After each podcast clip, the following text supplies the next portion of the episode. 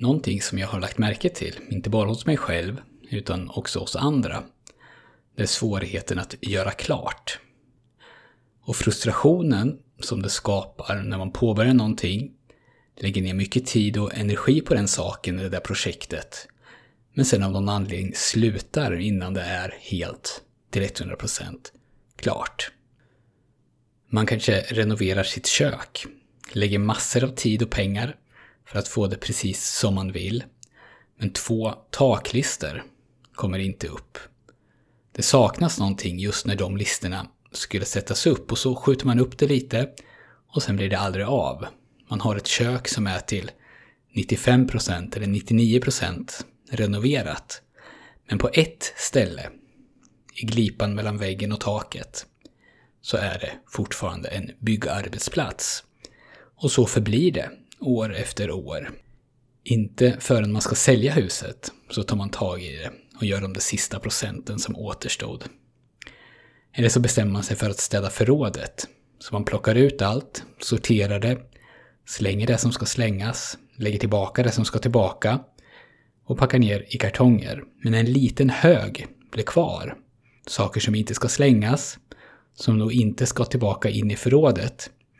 Och det finns ingen kartong heller som passar att lägga de här sakerna i.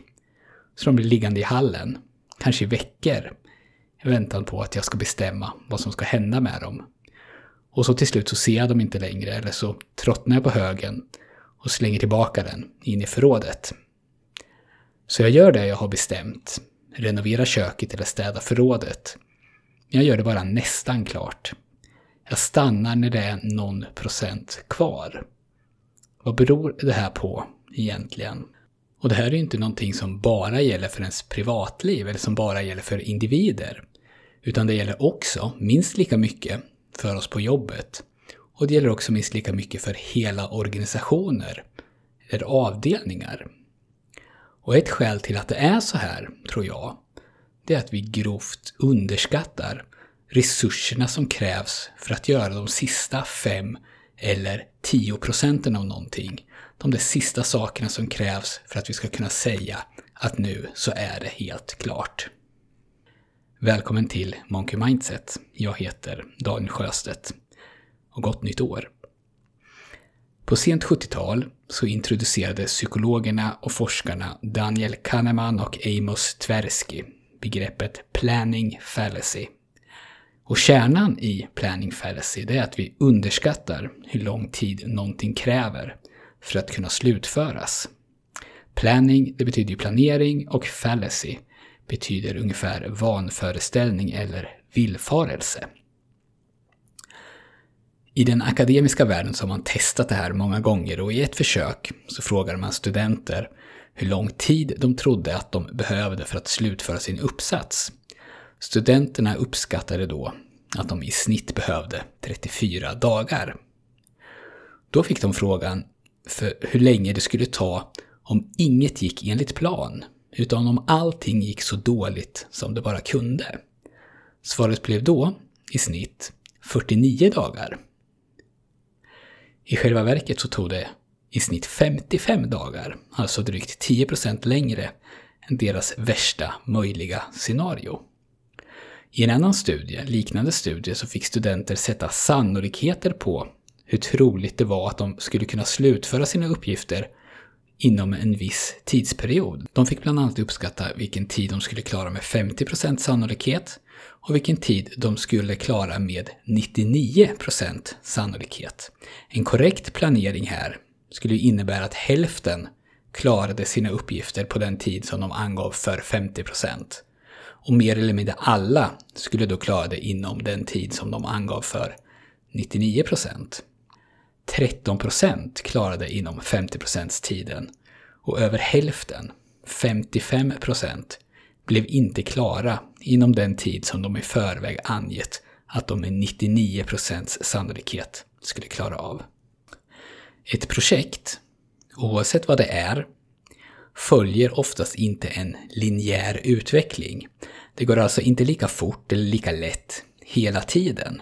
Ofta så krävs det ju förstås lite extra i uppstarten när man planerar och ser till så att man har de resurser som krävs. Sen kommer då en period då det går ganska enkelt. Man gör det man har planerat vad man ska göra. Vi kör ner huvudet egentligen och lägger ner den tid som krävs. Och sen kommer slutfasen. När vi flyttade från vårt hus till exempel, kommer jag ihåg när vi packade ut allt och tömde huset. När det kändes som att vi var klara, huset var i stort sett tomt, tyckte vi, så var det ändå en halv dags arbete kvar, för det fanns så himla mycket smått som, be som behövde göras som vi inte hade räknat med. Och ett av felen många av oss gör är att vi tänker på att slutfasen bara är en fortsättning på den här enklare mellanfasen. Vi tror att vi först planerar och sen gör vi jobbet fram tills det är klart. Att det här följer en rät, rak linje. Men i verkligheten, oftast, så fungerar ju projekt som så att det som vi inte har planerat för och som dyker upp, och det finns alltid sånt som vi inte har planerat för, det skjuter vi framför oss och lämnar till slutet. Vi tar tag i det sen. Så sen när vi enligt plan nästan är klara, så har vi i själva verket ganska mycket kvar att göra. Och de här sista delarna av projektet som är kvar, de är ju kvar just på grund av att de är mycket mer komplicerade än vad sakerna var i början eller i mitten. Ta taklistorna i köket till exempel. 95% av alla lister satte vi upp som planerat. De var enkla, det tog sammanlagt en dag, låtsas vi. Det var raka vinklar, vi hade rätt material och rätt verktyg till hands, rätt ritningar. Det var bara att såga till och spika upp. Men de sista krävde någonting mer. Kanske behövde vi såga dem på ett visst sätt, eller kanske var det en speciallist som de just då inte hade inne på byggvaruhuset. Och för att förenkla där och då, och för att inte tappa tempo, så tog vi ett beslut att skjuta upp de här sista listorna till senare. Men de två sista listorna, de som ännu inte är uppe, de kostar kanske lika mycket tid och energi som de första 20. Särskilt nu när vi inte längre har verktyg och annat till hands. Så de blir aldrig gjorda. I våra privatliv så tror jag att de flesta av oss kan hantera det här hyfsat. Det är ju lite irriterande förstås, men det är i alla fall möjligt att leva med att saker som vi då tycker borde bli gjorda inte blir gjorda helt perfekt eller helt enligt plan. Men på arbetet så kan det vara värre, dels för individen. Varje projekt som bara är nästan klart skapa en liten skuld som kan leda till negativ stress. Det är någonting som jag vet borde göras, men som det inte finns tid eller resurser till just nu. Så jag känner att jag tvingas att skjuta upp det till en senare tidpunkt. Eller så försöker jag bara att inte tänka på det. Men samtidigt så förväntas det ju av mig att det blir gjort. Det här projektet är bara till 95% klart. Och 95% klart på papper, det ju, behöver ju inte vara samma sak som att det fungerar till 95 procent. Att vi får ut 95 procent av nyttan som vi önskade. Eftersom de sista 5 procenten då är de mest komplicerade, eller det vi inte kunnat förutse, eller det där som är lite extra jobbigt, så kan det ju vara där, det är ofta där, värdet ligger. Ibland så betyder såklart 95 procent klart 95% av nyttan. Men ofta så betyder 95% klart kanske bara 50% av nyttan, eller 0% av nyttan, eller negativ nytta. Om man tar körkort till 99%, man tar all teori, man klarar teoriprovet, man övningskör en massa, man köper dyra körlektioner, men slutar efter att man har kuggat första försöket av uppkörningen. Så har man ju lagt en massa tid och en massa pengar på någonting som inte gett något värde om man inte slutför den sista procenten. Då är ju det här en negativ kostnad. Vissa saker, som ett körkort, är ju lätt att mäta. Vad betyder det att vara klar? Jo, det är ju att jag har körkortet i min hand. Så länge jag inte har körkortet i handen är jag inte klar. Men i de flesta andra sammanhang så är ju klar inte lika lätt att definiera. Om vi bestämmer oss för att göra en, en marknadsföringskampanj på jobbet, vad innebär då klar? Är det när hemsidan för kampanjen är klar, med bilder och text? Eller är det när vi har ett visst antal besökare på hemsidan eller ett visst antal likes? Eller är det när vår kampanj är så bra att vi har en viss svarsfrekvens? Att till exempel att en av 50 som går in på hemsidan klickar på “Jag vill veta mer”-knappen. Eller är det när 10% av de som klickar faktiskt köper? Eller är det när vi kan se att det i snitt kostar ett visst antal kronor för varje ny kund som vi får genom den här kampanjen? Alla de här sakerna är ju olika typer av klar och de kommer att innebära väldigt olika resultat. Att göra en hemsida med text och bild, det är ju väldigt lätt i sammanhanget. Att få folk att klicka på en knapp är ju också relativt lätt. Det är bara att lova dem någonting som de vill ha. Men att sälja någonting är inte lätt. Och att skapa ett system där du vet vad varje ny kund kostar och där du hela tiden skruvar på systemet för att förbättra den siffran. Det är inte heller lätt. Men det är ju där någonstans värdet i kampanjen finns. Så 90% av budget och tid går kanske åt till att göra en hemsida och sprida att den finns. Men 90% av värdet vi är ute efter sker efter det. I de sista detaljerna och i justerandet av de sista detaljerna. I den här kontinuerliga utvärderingen av vad som får någon att bli intresserad och sen att köpa. Men när det jobbet ska göras, då är budgeten redan slut. Då har vi ett nytt projekt som vi behöver påbörja. Så vi lämnar det här halvfärdigt. Är en mattelärare klar när eleverna har gjort talen i kapitel 4 i matteboken som handlar om bråk? Eller är hon klar när varje elev kan förklara konceptet bråk för någon som går i klassen under, så att den eleven också förstår? Och som kan lösa uppgifter som inte är exakt likadana som de i boken, men som bygger på samma princip.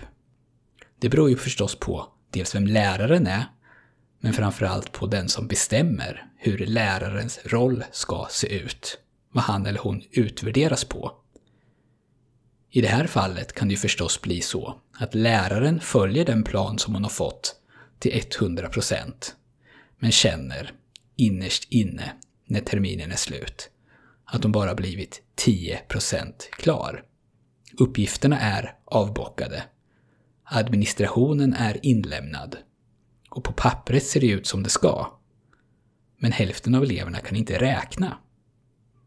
Och det är ju det, i det här sammanhanget, som betyder att arbetet är klart. Det är ju inte en bra känsla att ha för någon som valde sitt yrke på grund av sin vilja att hjälpa andra att utvecklas. Så om du tror att du skulle kunna känna mer tillfredsställelse och kanske också bli mer framgångsrik om du gjorde klart lite oftare så finns det några saker som du kan tänka på och jag menar absolut inte på något sätt att det här är en komplett lista. Men du kan börja med att för det första acceptera att vi alla är relativt dåliga på att planera. I regel så tar det längre tid än du och jag tror att göra någonting klart. Det är också så att 90% klart i många fall i själva verket bara är 50% klart. I de flesta fall så är det i slutet som komplexiteten finns. Det är där de här udda pusselbitarna också behöver hitta sin plats och det är här som allting som du har skjutit upp behöver tas tag i. Och det kostar generellt sett mycket mer resurser än du tror och om du bara har kvar 10% av tiden eller 10% av pengarna när du kommer dit så är risken stor att du aldrig får chansen att bli klar. Och vad är klar? Kan du definiera det? Hur ser klar ut? Vad är syftet med det du gör? Det är ju det som ska definiera klar. Är klar detsamma som att eleverna ska ha gjort uppgiften i boken? Eller är klar detsamma som att de förstår matematik? Det kan ju vara enormt stor skillnad mellan de här två definitionerna av klar. Och om du definierar klar som detsamma som framgång med ditt syfte, i det här fallet då att kunna förstå matte, så öppnas ju nya möjligheter. Kanske kan vi uppfylla syftet och bli klara på något annat sätt än vad vi gör just nu. Det var allt som jag hade för den här gången. Om du vill så kan du få det du behöver för att komma igång med mental träning av mig. Och det kostar ingenting om du går in på monkeymindset.se och prenumererar på mitt nyhetsbrev så får du ljudfiler och instruktioner för hur du kan komma igång och träna mentalt. Tack så mycket för att du har lyssnat. Ta hand om dig själv, ta hand om dina kära.